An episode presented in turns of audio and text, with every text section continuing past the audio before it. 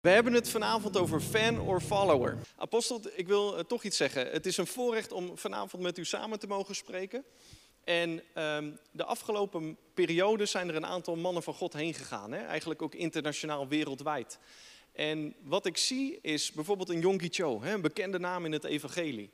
En wat ik zie is dat heel veel mensen dan deze personen met eer overladen. Hè? er komt eigenlijk een stukje respect en eerbied komt er vrij. En dat is denk ik een heel mooi ding.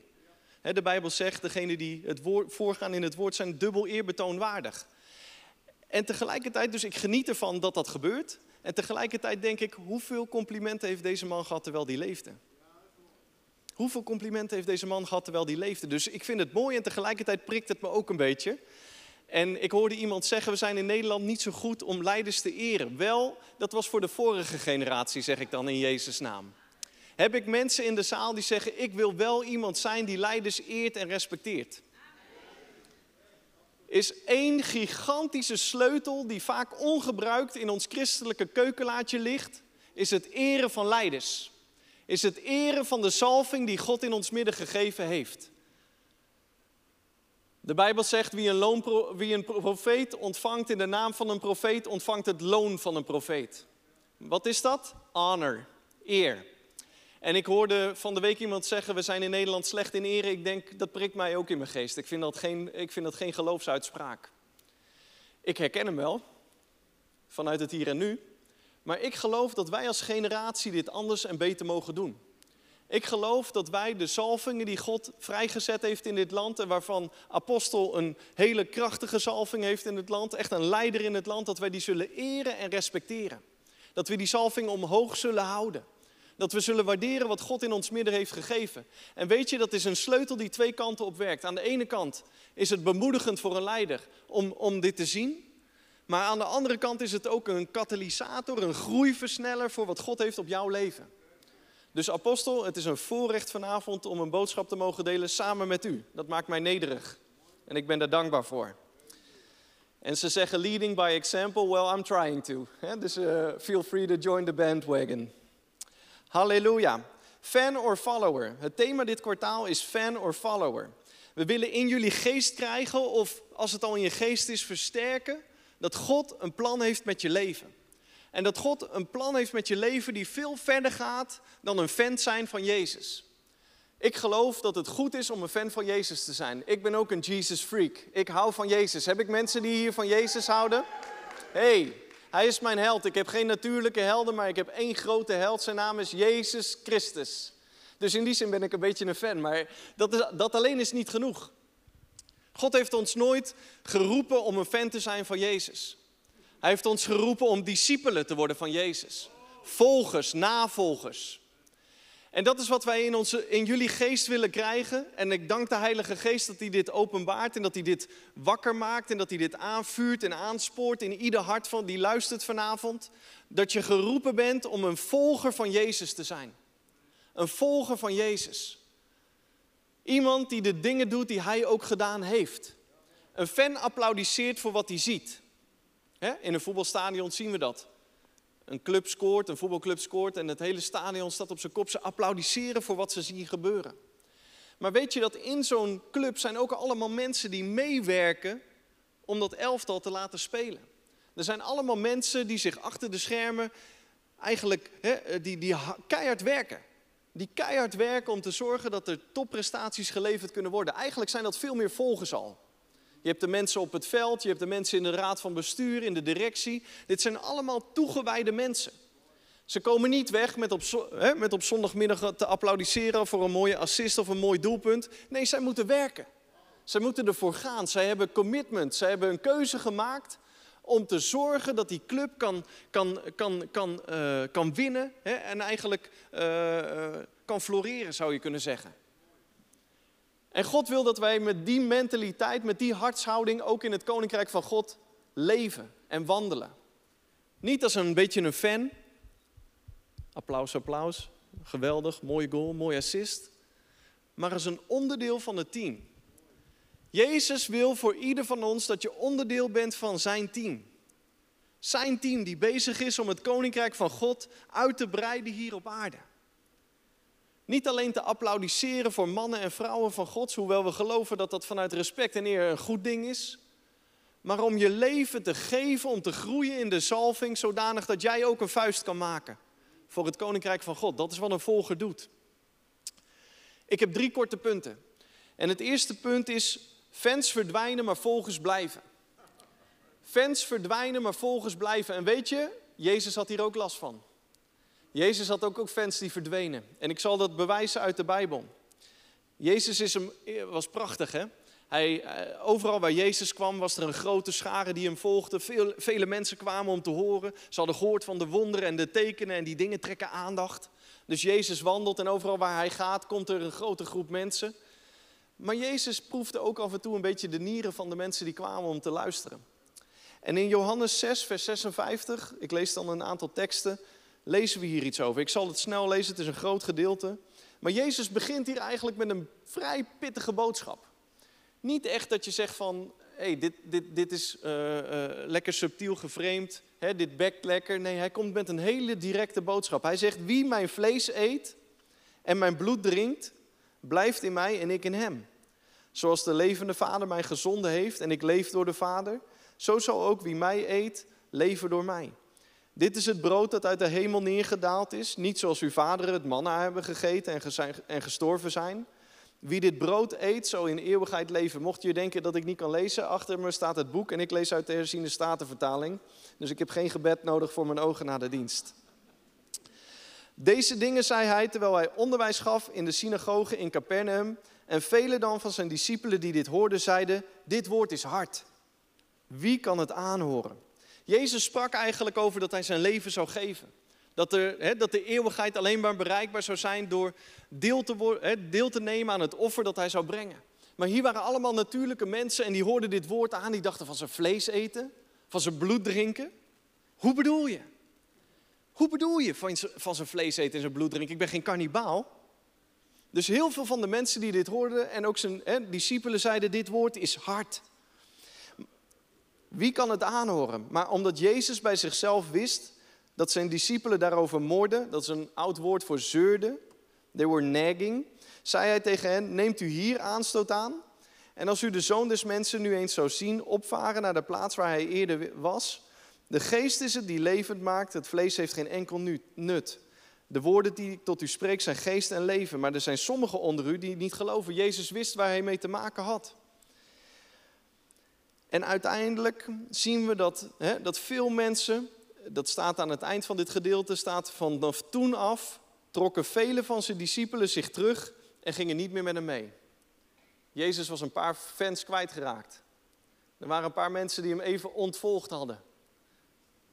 Hij was zijn likes kwijt, zijn volgers kwijt. Ze dachten, nee, nee, dit niet meer. Dit vinden we niet, uh, niet goed om te horen.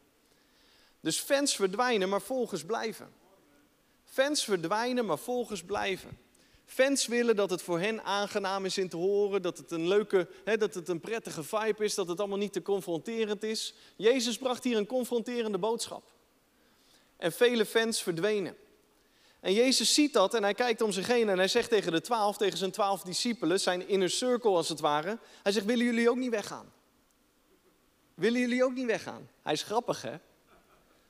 Is niets, hij zit, sommige mensen zou, ik denk dat, dat, dat misschien ik wel de neiging had gehad om ergens te gaan zitten en denken: mijn bediening slaat nergens op. Ik preek, ik doe mijn best, iedereen gaat weg in plaats van dat ze gezegend worden. Jezus is los van, van applaus van mensen en goedkeuring van mensen. Hij doet alleen wat hij de Vader zag doen. Hij kwam gewoon om de missie van zijn vader te voltooien.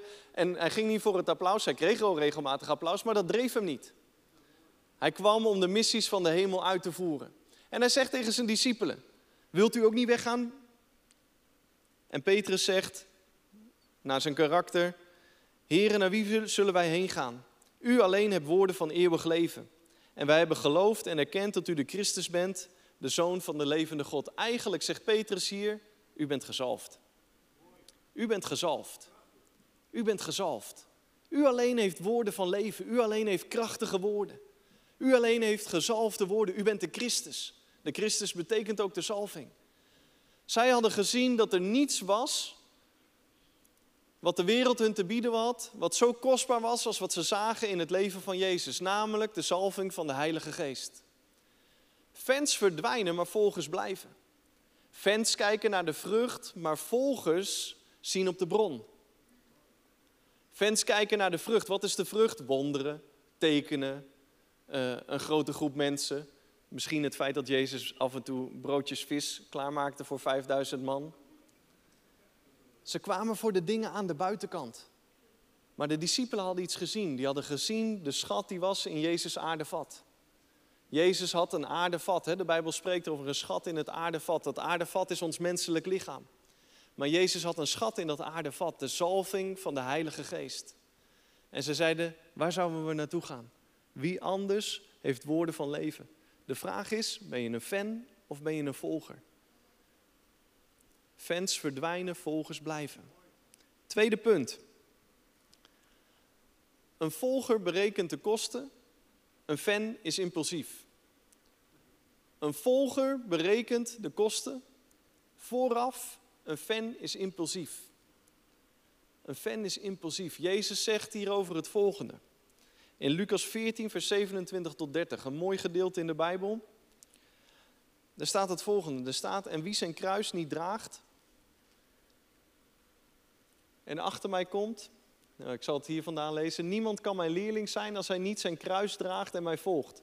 Maar begin er niet aan als u niet eerst hebt berekend wat het u gaat kosten. Want wie laat nu een toren bouwen zonder eerst een prijsopgave te vragen? Uh, wie gaat eerst een scooter leasen voordat hij een prijsopgave heeft gevraagd? Wie, wie bouwt er wel eens een toren? Nee, toch? Dus als we het eventjes naar 21 halen, wie gaat, wie gaat een scooter leasen, een auto leasen, een huis kopen, zonder eerst een offerte, een prijsopgave te vragen? Hij moet weten of hij genoeg geld heeft om alle rekeningen te betalen. Anders komt hij misschien niet verder dan de fundering. Iedereen zou lachen en zeggen: Heb je dat gezien? Die man begon te bouwen en moest halverwege ophouden omdat hij niet genoeg geld had. Ik denk dat je buren je gaan uitlachen hè? als je een huis gaat bouwen en, uh, en, en, er staat alleen maar een eerste verdieping en het dak is open, et cetera. Ze zullen denken, buurman, ik weet niet hoe het zit, maar misschien een rekenles volgen of hè, beter je best doen. Of hè, je leest een auto en na twee, twee, drie weken wordt die weer ingenomen omdat je de prijs niet kan betalen, de maandelijkse termijn. Is niet echt verstandig. En Jezus maakt deze vergelijking. Hij zegt eigenlijk volgers berekenen eerst wat het hen gaat kosten maken een weloverwogen beslissing, denken na of ze dit echt willen.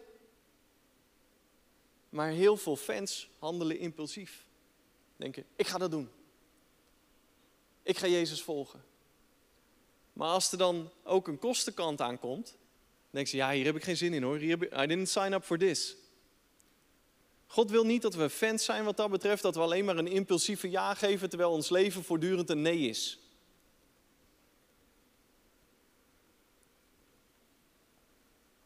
De vraag is, is onze ja naar Jezus een ja of een ja maar? Hij zegt, bereken eerst de kosten. Als je je leven aan Jezus geeft, dan geef je letterlijk alles. Dan geef je je mening, je geeft je voorkeur, je geeft je gelijk, je geeft ik heb recht op. Al deze dingen geef je aan Jezus. En weet je, dat is niet te veel gevraagd van hem, want hij gaf letterlijk alles. Als je kijkt, hè, de Bijbel zegt over zijn sterven aan het kruis, hij heeft zichzelf ontledigd. Hij heeft alles gegeven. Niets achtergehouden. Hij heeft zichzelf totaal overgegeven voor ons. De perfecte zoon van God. En hij vraagt aan ons, mag ik jou ook helemaal hebben? Een fan zegt ja maar Jezus. Een volger zegt ja Jezus. Ben je een fan of ben je een volger?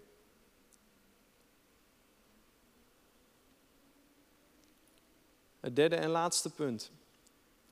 Een fan juicht met de massa mee, een volger kan zonder de hype. Een fan juicht met de massa mee, een volger kan zonder de hype. Volgen is soms best eenzaam, hè? Je kan hier zitten, deze zaal heeft 2013 stoelen volgens mij, apostel. Ik kan er een paar naast zitten. Meer dan 2000. En je kan hier zitten met de, boom, uh, met de doom uh, bomvol. en, en, en we hebben zulke diensten gehad dat het tot een nok toe gevuld was. En zulke diensten gaan we snel weer zien. Wie heeft daar zin in trouwens? Even, even off topic. Wie heeft daar zin in? Ik zag pas een filmpje van deze hele doom gevuld, mensen hier vooraan. Ik denk, halleluja, I'm ready for that too. hey, maar het is makkelijk om met zo'n volle doom mee te deinsen, mee te doen, mee te dansen. Maar soms op maandag is het best wel eenzaam, hè, de keuzes die je moet maken. De volle zaal op zondag is er niet altijd in het leven van maandag. Een fan heeft power op zondag, maar op maandag denkt hij: ja, kijk mij maar in mijn eentje, gekke christen, weet je wel. Laat me, let's just go with the flow. Een volger maakt ook maandagkeuzes. Zondag is goed, maandag is beter. Regelmatig steel ik deze van apostel. Ze zeggen, iemand zei van, zit er een copyright op? Nee, er zit geen copyright op, zo copy it right. Hè? Collectief bezit, amen. Zondag is goed, maandag is beter en de volger snapt dat. De fan kan alleen maar hypen op een PPY één keer in de maand. Als de worship er is, weet je wel, de, de, de, de PPY-band moet zichzelf helemaal geven in het zingen, in het spelen, om uiteindelijk hè, piepend en krakend één hand te krijgen. Halleluja, weet je wel? Dat is het gedrag van de fan. Je, wordt een beetje, hè, je gaat mee met de flow van de massa. God zoekt naar volgers.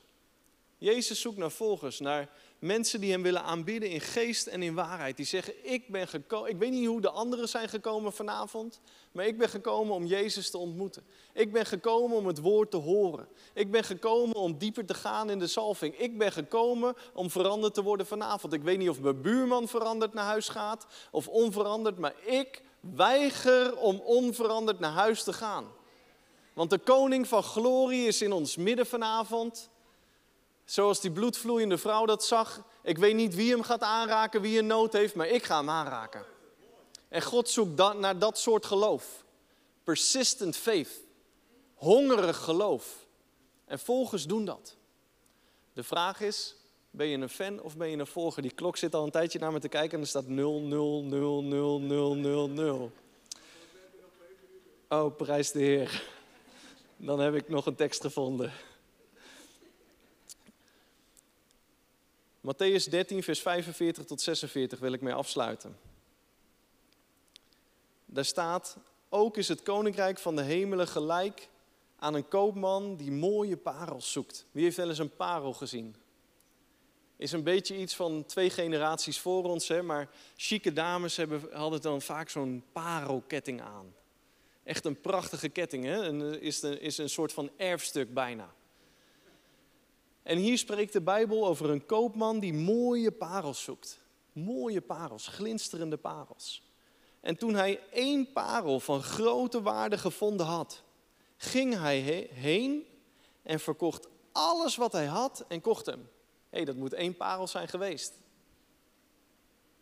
Hij ging heen, hij verkocht alles wat hij had voor die ene parel. En Jezus zegt, zo is het koninkrijk van God een volger ziet dat het koninkrijk van God alles waard is. Een fan denkt, nee, ik moet het maar zien. Ik wil misschien een kleine aanbetaling doen op die parel. Ik wil erover nadenken of ik hem in de toekomst eventueel zou willen aanschaffen. Misschien dat ik hè, met een paar collega's het samen kan kopen. Een volger zegt, ik ga all in. Een volger gaat all in voor het koninkrijk van God. En God zoekt naar jonge mensen die zeggen: Ik wil all in. Fabank, alles erin. Voor het koninkrijk van God. En weet je, het koninkrijk van God en zijn salving. Er is niets wat deze wereld te bieden heeft wat vergelijkbaar is met die parel van grote waarde. Je kan je hele leven lang zoeken, je zult nooit iets zo, zo onschatbaar vinden als het koninkrijk van God de salving van de Heilige Geest en Gods tegenwoordigheid. En ik kan het zeggen, want ik heb goed gezocht op andere plekken en ik heb niks gevonden. Gods koninkrijk, de salving van de Heilige Geest, is eeuwige rijkdom. Is, het er, is dat echte, echte ding? Is dat echte, echte, echte ding? Je kan zoeken op andere plaatsen en nooit vinden wat je wel vindt in de tegenwoordigheid van God. Ik, ik, ik, ik denk aan avonden in Gods tegenwoordigheid. hey, het is als de hemel. En de Bijbel zegt, jullie die geproefd hebben van de kracht van de wereld die komen gaat.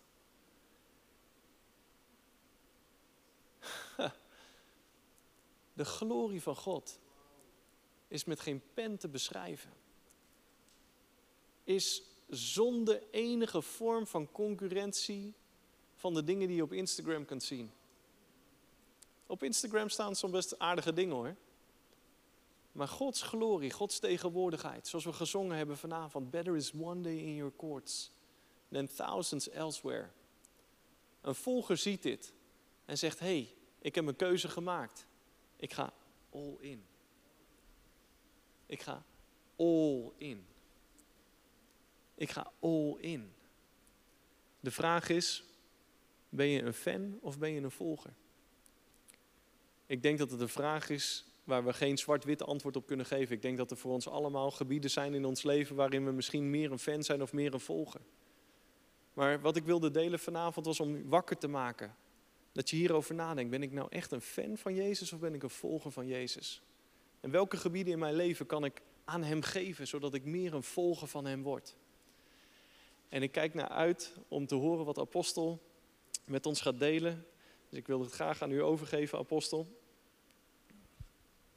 Bas, het is zo mooi wat je hier verteld hebt vanavond. Dit is de kern van het verhaal. Hè? Ik heb wel eens meer gezegd. Elke discipel is een christen, maar niet elke christen is een discipel.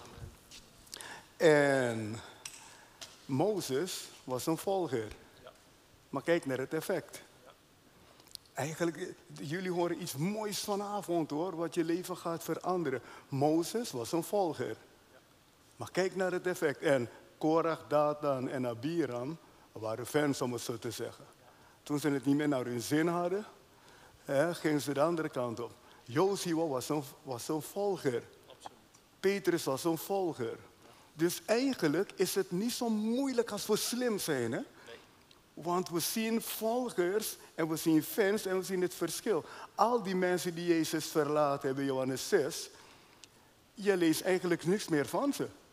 Maar de discipelen die gebleven zijn, de hele wereld kent ze. De atheïst kent Petrus.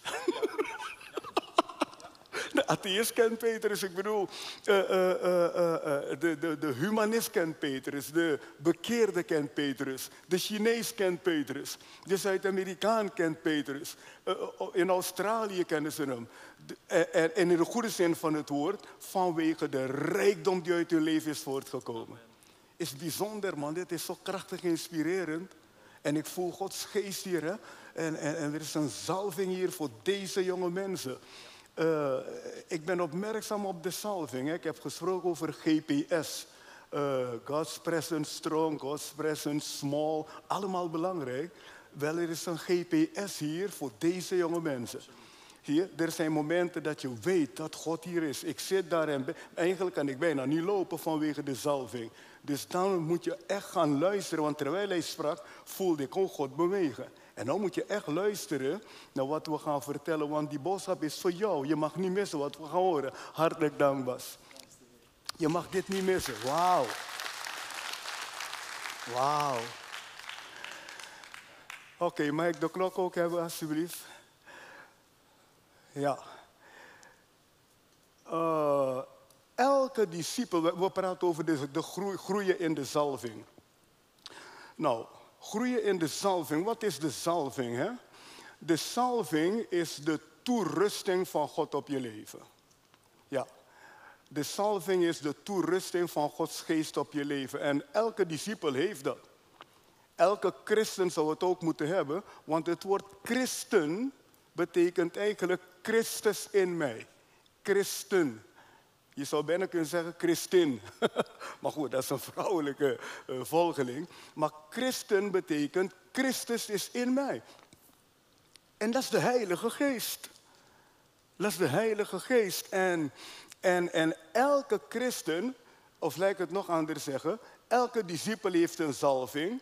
En elke christen zou ook een zalving moeten hebben, want anders kan je geen christen worden. Je wordt christen door de Heilige Geest. Zorg ervoor dat je geen naamchristen bent. Ik ben voor jaren een naamchristen geweest. Ja. Mijn ouders hebben me gebracht naar de zondagschool en ik vond dat fijn en ik dank God daarvoor. En wat ik geleerd heb, ik heb de Bijbelse verhalen geleerd en opgroeiend ben ik toch, uh, ja, meer kerklid geweest als wederom geboren gelovige. Pas op mijn 21ste werd ik een echte christen. En daarvoor was ik christelijk, religieus. Ja, ik, ik denk erbij hoor. Maar ik was niet wederom geboren.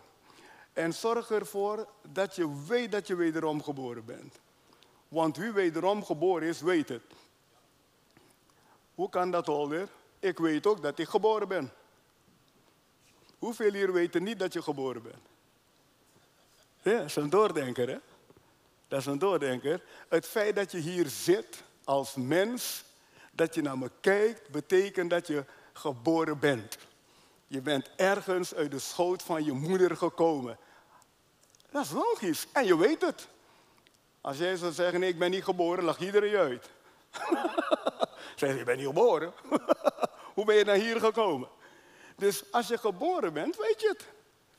En als je wederom geboren bent, weet je het ook. Hoeveel hier weten zeker wederom geboren te zijn? Weet het. Er is een moment in je leven dat je weet, Jezus leeft. Er is een moment in je leven dat hij je aanraakt. Er is een moment in je leven dat je weet, nu is het anders. En mocht je luisteren en je hebt dit niet, kan je het vragen. Ja, je kan dit vragen. Want ik kan me voorstellen dat misschien iemand hier zit, je sympathiseert met het christendom, misschien niet, uh, maar je denkt ik kom kijken. En, en, en dat je denkt, wat praat deze man over? Zou het echt zijn? Nou, vraag het aan de Heer. En misschien ben je meegekomen met vrienden, misschien kom je al een poos in de kerk, maar je hebt toch twijfels. Zou de Heer echt zijn? Leeft hij echt? Nou, dat probleem is gewoon opgelost door hem zelf te vragen. Ja, je kan het mij vragen, dan ga ik met je bidden. Maar je kan het beter hem gelijk vragen. En dan komt hij. Ik heb het aan hem gevraagd, ik weet niet hoeveel jaren geleden, dat ik, uh, ik zag anderen die het hadden. En ik had het niet. Ik, ik wist gewoon, er is een verschil tussen die christenen en ik. We hebben dezelfde Bijbel, maar die mensen hebben wat anders dan ik. En ik was nederig genoeg om ze te vragen, hoe kan dat? Waarom ben ik niet blij met de Heer? De most profound answer, het meest diepzinnige antwoord heb ik gekregen. Ze zeiden, je moet hem vragen. dat zeggen ze aan een medisch student. Je moet hem vragen. Dus ik wist, dit is eerlijk. En weet je wat? Ik ben naar mijn studentenkamer gegaan en ik heb het gevraagd. Ik heb gevraagd aan de Heer die ik niet kende. Ja, ik kende hem bij naam, Jezus zit in de hemel. Maar voor mij was hij echt in de hemel, ver weg. En ik zeg, Heer, ik wil het weten als u echt bent. Ik vergeet het nooit, die ervaring. Dit is zo verrekt reëel. De Heer kwam echt in mijn leven, in mijn studentenkamer. Ik was een nuchtere student. Ja, met vrienden, leerde goed, studeerde goed. Had allerlei ervaringen met sporten, met uh, muziek, gym, al die toestanden. Maar dit had ik niet. En ik wist, dit is echt. Dus als jij dit niet weet, vraag het aan de Heer. En dan word je een echte christen, want je hebt christen en christen. je hebt fans en volgelingen. En elke discipel heeft een zalving. Als jij vanavond zegt, ik ben wederom geboren, heb je een zalving. En een discipel is iemand die wil volgen, net wat Bas zegt. Hè? Een discipel bekeert zich, laat zich dopen in water en zoekt de doop in de Heilige Geest. Dat is een discipel. Een discipel wil alles hebben. Want discipel betekent ik volg iemand en ik wil als die persoon zijn. Dat betekent discipel. Ik volg je en ik wil precies als jou zijn. Ik wil als jou zijn. Ik wil hebben wat jij hebt en wat u heeft. Dus als je een echte discipel bent en je hebt je bekeerd, want als je bekeerd hebt, hoor je gelijk een discipel te zijn, want je zegt ik wil Jezus volgen, dan laat je dopen door onderdompeling. We hebben hier een doopvond en uh, wij regelmatig dopen wij mensen. Als je, als je zegt ik ben bekeerd en je hebt je nog niet laten dopen, moet je laten dopen, want is deel van discipelschap, is deel van een volger. En dan als je gedoopt bent in water, wil je ook de doop in de Heilige Geest hebben. Want omdat een discipel naar Jezus kijkt. Nou, Jezus was gedoopt in water en Jezus was gedoopt in de Heilige Geest. Dus als je zijn volgeling wil zijn, wil je dat ook. En ik weet toen ik tot bekering kwam, vroegen ze me, ben je gedoopt? Ik zeg, ja. Denk, hoe kunnen ze mij dat vragen? Ze zeiden, wanneer? Ik zeg, als baby. Toen gaven ze me een boek mee over de, wat het betekent om als baby gedoopt te zijn. En ik deed het op en elke bladzijde was blanco. Ik denk, maken ze nou een geintje of niet? Want ze zeggen, lees maar wat erover staat in de Bijbel. En inderdaad, in de Bijbel staat er niks over. in de Bijbel staat er niks over een kinderdoop. Dus ik ging een, een student gaan discussiëren, ging discussiëren met ze. En toen zeiden ze, maar de Bijbel zegt, bekeer je en laat je dopen. En eigenlijk hadden ze zulke krachtige antwoorden dat ik moest toegeven. Mijn ouders hebben het voor me gedaan, maar nu moet ik zelf mijn keus maken. En ik heb me laten dopen.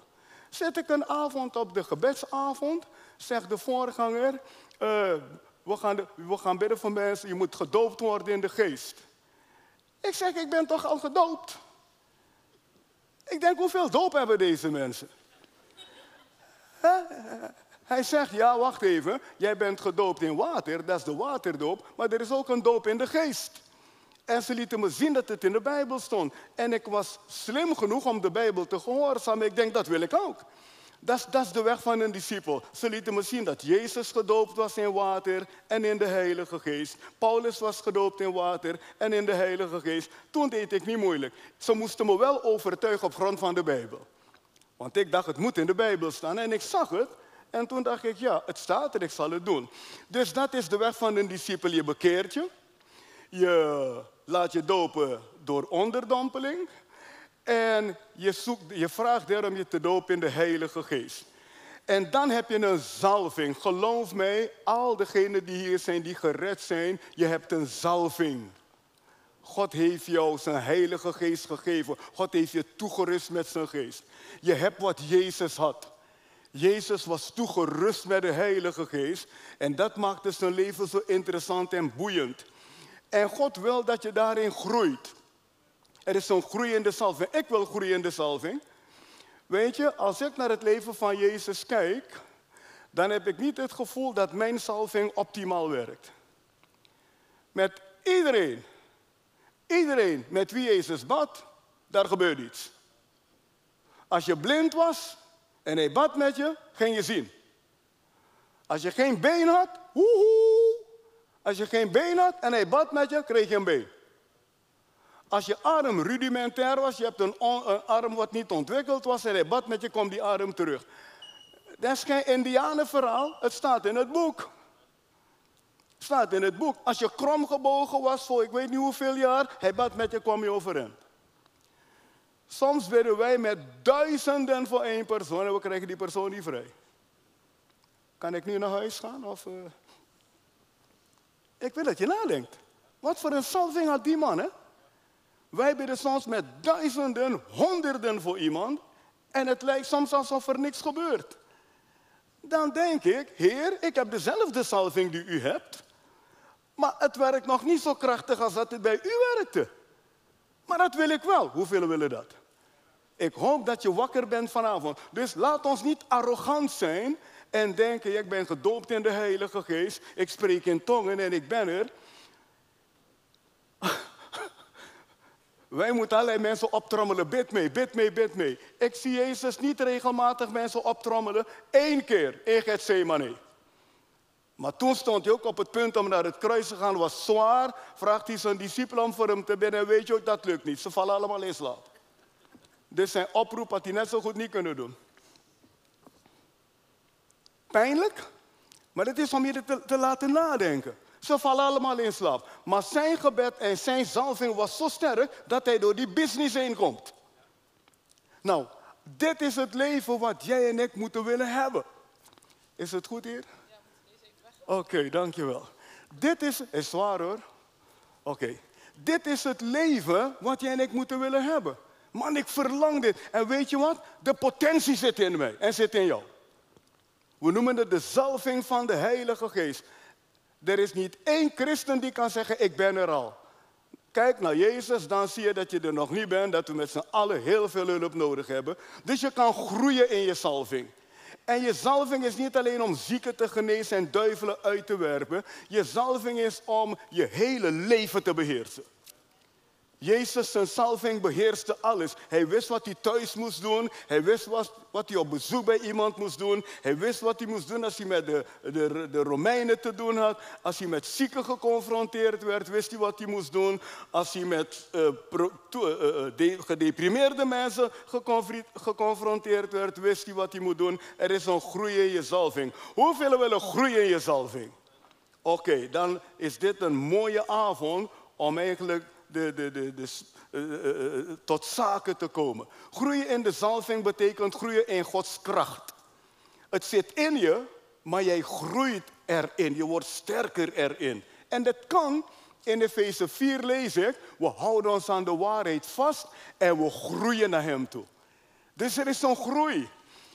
Maar je moet willen groeien. Dat is wat Bas zegt vanavond. Als je geen volgeling bent en een fan, is groeien lastig. Het zijn volgelingen die groeien. Die voor het echte ding gaan. In Matthäus 10, vers 24, dan zegt Jezus, let op wat Jezus zegt tegen zijn discipelen. Een discipel staat niet boven zijn meester. Of een slaaf boven zijn heer. Dat is logisch, hè? Een discipel staat niet boven zijn meester of een slaaf boven zijn heer. Hij zegt, dat werkt niet. Maar let op wat hij zegt. Het is genoeg voor de discipel om te worden als zijn meester. En voor de slaaf als zijn heer. Let op het woord worden. Hij sprak hier tot niet wederom geboren mensen. Het waren volgelingen, maar ze waren niet wederom geboren. Dat gebeurde pas na Pinksteren. Dat je wederom geboren kon worden. Daarom zegt Jezus, jij, jij kan worden als de meester. En hij zegt, dat is mijn plan voor jou. Ik hoop dat je dit ziet. Uh, eigenlijk zegt hij hier, als hij zegt je kan worden als ik, zegt hij, I will be everything you let me be. Ja, ik hoorde laatst een lied, I'll be everything to you, you let me be. Dus als hij zegt je kan worden net als ik, zegt hij, als je me toestaat, zal ik alles voor je zijn wat jij wilt dat ik voor jou ben. Dat is een discipel, hè? Dat is een volgeling, dat is geen fan. Dat is een volgeling. Het is, is een heel mooi lied. I'll be everything to you, you let me be. Wauw. Dat is het leven van een discipel. En dat is wat hij hier zegt. Hij zegt, het is genoeg voor de discipel om te worden als een meester. Eigenlijk zegt hij, de deur is open om als mij te zijn. Maar ik heb jouw toestemming nodig om je daarmee te helpen. Zie je? God kan alleen voor jou zijn wat je hem toestaat dat hij voor jou is. Hoewel God almachtig is, kunnen wij hem tegenhouden. Het is krank, jorum, maar het is toch zo. God is almachtig, toch kan ik hem tegenhouden in mijn eigen leven. Waarom? Omdat hij mij iets heeft gegeven wat hij respecteert. Het heet vrije wil. Is gek toch? Ik kan de almachtige tegenhouden. Niet om zijn plannen uh, te vervullen in de wereld, of om zijn plannen met andere mensen te vervullen, maar ik kan hem tegenhouden in mijn eigen leven, want hij heeft te alle tijden mijn toestemming nodig en jouw toestemming nodig om in ons leven te werken, want zo heeft hij je geschapen. Als hij dat zou doen, kraakt hij zijn integriteit. Daarom is het hier, het is genoeg voor de discipel om te worden als de meester. Elke discipel, elke christen kan op zijn gebied, oh dit is zo mooi, dit is zo mooi.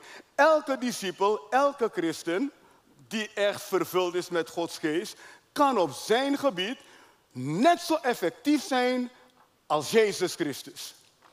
Want niet iedereen is een prediker. Maar God heeft wel een plan met je leven.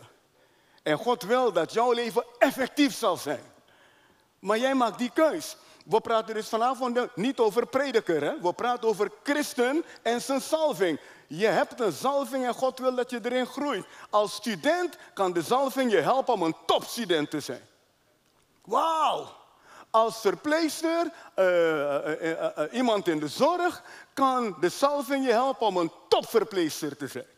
Een top IT'er te zijn. Jij komt met dingen die anderen niet, niet, niet, niet gelijk begrijpen. Hoe kan hij dat zo goed doen? Hoe, waarom werkt dit bij haar? Als onderwijzer kunnen de kinderen aan jouw lippen hangen, terwijl een andere is chaos in de klas.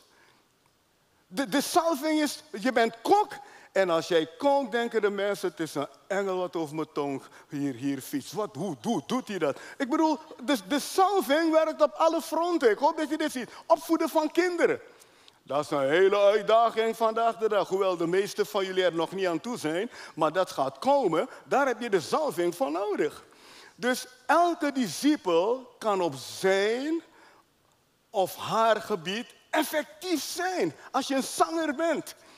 Een zanger, je kan gigantisch effectief zijn in je zang. God kan je inspiratie geven om liederen te schrijven. Ja, hier zitten jonge mensen. Jij zou honderden liederen kunnen schrijven. En je kijkt man, je denkt, ja, honderden, je kan niet eens zingen. Oké, misschien is dat dan niet voor jou. Maar als er een ander hier is die misschien zegt, ik heb die, dat verlangen. Je zou honderden liederen kunnen schrijven. Dat we allemaal zeggen, dat is God in zijn leven. Dat is God in haar leven. Dus de salving moet je niet beperken. Je moet de salving ruimte laten in jouw leven.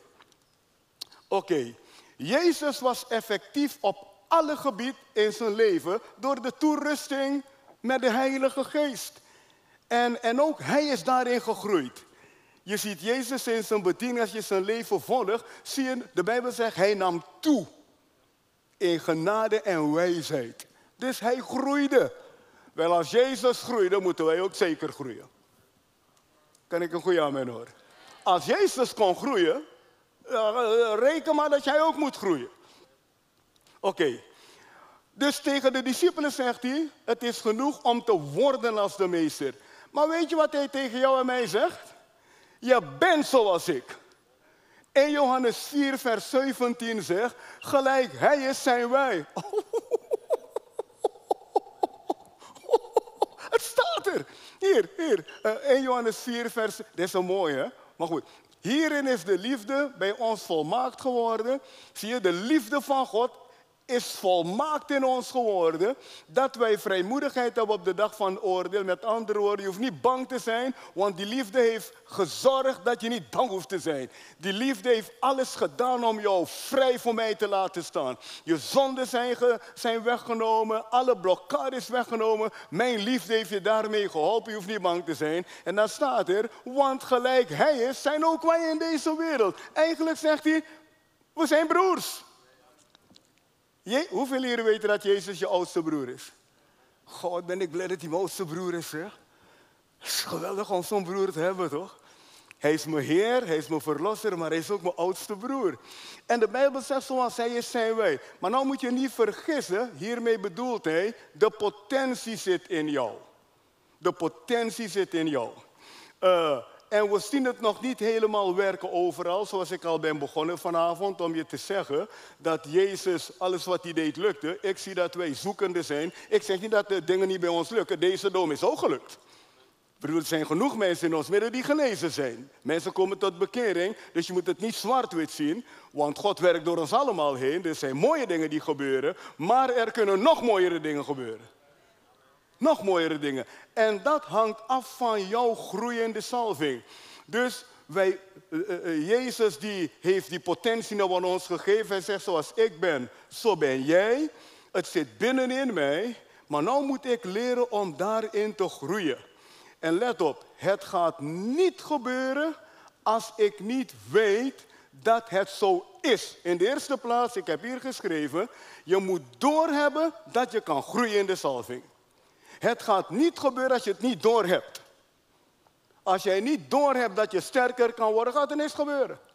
Het eerste wat je moet doorkrijgen is, hé, hey, wacht even, ik kan sterker worden. Ten tweede, je moet weten hoe het werkt. Dus twee dingen zijn belangrijk. Je moet doorhebben dat je sterker kan worden. En ten tweede, je moet weten hoe het werkt om sterker te worden. En dat ga ik je snel geven hier. Hebreeën 11, vers 6. Daar staat, wie God ernstig zoekt, zal hem vinden. En eigenlijk betekent dat vers, wie de Heilige Geest ernstig zoekt, zal hem vinden. Jij en ik kunnen alleen groeien als we, als we doorhebben dat God wil dat je groeit. Ja. zal ik jullie vertellen wat God mij verteld heeft toen ik uh, jong christen was? Ik heb het verteld aan de werkers. Ik kreeg een visioen van de Heer. Ik kreeg een visioen van de Heer. Ik kreeg visioen in die dagen, en nu nog. Ik kreeg visioen in die dagen die keihard uitkwamen. Om je snel iets te vertellen. Ik kon geen baan krijgen op eh, eh, in die dagen. Ik had net mijn studie opgegeven. Ik kon geen baan krijgen. En ik kreeg een gezicht, een visioen. Ik zie de Heer, de God en de Heer Jezus. Vraag me niet hoe het kan. Ik zag ze. Abraham zag ook God komen. Maar goed, daar gaan we niet diep op in. En ze zeiden, over 14 dagen gaan wij ons aan hem openbaren. En ik, kon, ik had geen baan, ik had geen geld, ik zat klem. God had me geroepen, maar ik, ik, ik kon niet wegkomen met, met een baan. En in, die, in dat visioen hoor ik de Heer Jezus en de Vader tegen elkaar praten. Ze staan tegen elkaar te praten. En ik zit daar, over 14 dagen gaan wij ons aan hem openbaren. Exact over 14 dagen zit ik in de auto van de personeelschef van het ministerie van Onderwijs. Hij brengt me naar Den Haag en ik heb een baan. En zo heb ik dus heel wat van dit soort dingen van God gehad. Ik zeg dit opdat je weet wat voor atmosfeer ik dit visioen heb gekregen. En het visioen wat ik kreeg was, er zat een man of honderd in een kring. En, de heer, en ze zaten op stoelen en de heer Jezus liep achter de kring langs. En hij stopte bij verschillende mensen. En hij vroeg ze, had een liniaal in de hand. En hij vroeg ze, als jij macht had om deze liniaal te veranderen, wat zou je doen? En ik zit er naar te kijken, ik zie hoe hij die mensen die vragen stelt. Ik zit aan de andere kant in de kring en ik denk, ik hoop dat hij bij mij komt. Ik denk, jongen, ik, ik hoop dat hij bij mij komt. Ik, ik, ik zie dat visioen nog helder, hè? En binnen drie tellen stond hij voor mij.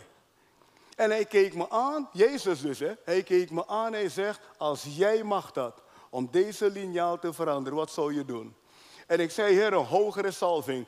Eigenlijk heb ik antwoord gegeven op iets wat ik niet begreep. Want later ben ik gaan begrijpen dat een liniaal een maat is. Ik begreep het toen niet. En toch heb ik het goede antwoord gegeven. Dus dat laat zien dat het iets van God is. Want waarom een liniaal veranderen? Een liniaal is een maat, is een measure, is een maat van salving. En, en dat heb ik jaren later gezien. Ik denk, oh God, waarom heb ik het niet gezien? Maar goed, ik keek de Heer aan en ik zeg, een hogere salving wil ik hebben. En weet je wat de Heer deed? Are you ready for this? Hij knipoogde naar mij. Hoeveel, hoeveel weten dat Jezus kan knipogen? Als jij kan knipogen, hij ook. De Heer Jezus knipoogde naar mij. Hoeveel weten wat zo'n knipoog betekent?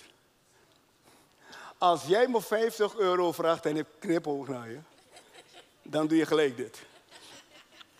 Zie je? Als, als mijn vrouw mij om een jurk vraagt en ik knipoog, gaat ze gelijk weg. Ze hoeft niet meer te praten. Ze denkt, ik ga hem halen. Zie je? Die knipoog is goed. En, en het visioen eindigde daar. En dan ga je zeggen wat God mij verteld heeft de afgelopen tijd. Hij zegt, die, dat knipoog was voor deze tijd. Niet alleen voor jou. Want ik ben een apostel, maar een apostel is daar om dingen van God door te geven.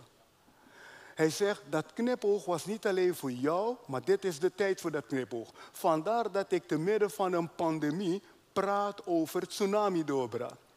Ik zeg dit, tsunami-doorbraak is groter dan pandemie-uitbraak. Ik, ik, gebruik wijsheid, tuurlijk gebruik ik wijsheid in de pandemie, maar ik focus niet op de pandemie, ik focus op doorbraak. Want God is niet afhankelijk van een pandemie, God is afhankelijk van jouw geloof en mijn geloof. En ik hoop dat je dit ziet vanavond. Nu, jij bent dus er in een moment. jonge mensen, jullie kijken mij aan. Je bent op een punt gekomen dat God een grotere salving in je leven wil geven. Dat is wat ik daar gevoeld heb, ik weet het nou. Zie je, er is, de salving kan je voelen, je kan de salving horen, je kan de salving zien, je kan de salving ruiken, je kan de salving proeven. Alles wat ik in het natuurlijke heb, aan, aan zintuig heb ik ook in het geestelijke. De zalving kan ik zien, ik kan het horen, ik kan het voelen, ik kan het ruiken, ik kan het smaken. En wat ik daar gevoeld heb was, deze jonge mensen zijn in voor een grotere salving. Maar je zal God ervoor moeten zoeken. Hebreeën 11, vers 6. Je moet doorhebben dat je kan groeien. En ten tweede, je moet doorhebben dat het niet gebeurt als je niet weet hoe het werkt. En hoe werkt het? Je gaat met de geest van God praten. Hoeveel weten dat onze wereld nu sterk gezalfde mensen nodig heeft? Ja, je gezin heeft het nodig. Je familie heeft het nodig. Nederland heeft het nodig. Europa heeft het nodig. Ik profiteer, ik zeg, in deze zaal zitten jonge mensen. God heeft je nodig voor deze wereld. Niet alleen voor Nederland. Maar daar hoef je niet achteraan te rennen. Je moet achter de geest aan rennen. Want de geest werkt het uit voor jou. Als je er zelf achteraan rent, gaat het fout. Je moet achter de geest aanrennen. Hier zijn jonge mensen die me aankijken. Studeer hard, studeer goed, doe je best. Werk hard, doe goed je best. Probeer promotie te maken op je werk. Is allemaal normaal om te doen. En tegelijkertijd zoek je God. Sommigen van jullie kunnen zelfs eindigen in Afrika. En zeg niet dat het niet kan. Juist degene die zeggen het kan niet. Misschien ben jij er maar om daar naartoe te gaan. Ik ben ook eentje die zei ik preek nooit. Nou preek ik al. Ik, ben helemaal aan het preken de hele tijd. Ja. Hier zitten jonge mensen. Je gaat richting Afrika voor de Heer. Anderen gaat richting Azië. Die dingen gaan gebeuren. Niet nu. Nu is jouw tijd om de salving te zoeken. Maar je kan niet wachten tot je 45 bent om de salving te zoeken, ben je te laat. Wat ben ik blij dat ik de salving gezocht heb toen ik jonger was. En ik zoek hem nog steeds. En de uitdaging vanavond is, als jij zegt, ik wil graag groeien in de salving, ik wil de Heilige Geest ruimte laten om mij te helpen, krachtiger en sterker te worden, ga met me staan de als je wil. Kom. Ja. Ook mensen die thuis zijn. Dit is de dag voor, dat, voor de, de knipoogsalving. Dit is de dag voor de knipoogsalving. Is de day voor de, de, de wink anointing. Dit is geen geklets van Edgar Holder. Dit is een goddelijke openbaring die ik heb gehad. Als ik naar mijn leven kijk, zie ik ook dat er is, wat Bas zei het aan het begin van de avond, met diepe dankbaarheid beaam ik het. Er is een zalving van God op mijn leven om jullie te helpen, om deze wereld te helpen. Dat kan je zien, toch? Hoe kan een medestudent zijn, geworden zijn wat ik ben, als het niet door de zalving van God is? Maar het is ook voor jou. God heeft jou nodig. Als je hier bent vanavond en je bent nog geen christen en je kijkt via livestream en je bent nog geen christen en je weet, je weet niet zeker of Jezus leeft, is simpel, vraag het hem nu. Zeg Heer, kom in mijn hart. Als hier jonge mensen zijn vanavond, iemand heeft je meegenomen en je weet niet zeker dat Jezus in je hart woont, je weet niet zeker dat je wederom geboren bent, je weet zeker dat je geboren bent, maar je weet niet zeker dat je wederom geboren bent, vraag het aan de Heer. Zeg, Heer, ik wil het weten dat u leeft. Zoals u Edgar Holder heeft overtuigd, overtuig ook mij. Hij wilde niet eens spreken, nou loopt hij de hele tijd te preken over uw koninkrijk. Dus die man is overtuigd geworden van iets. Heer, ik wil ook die overtuiging hebben.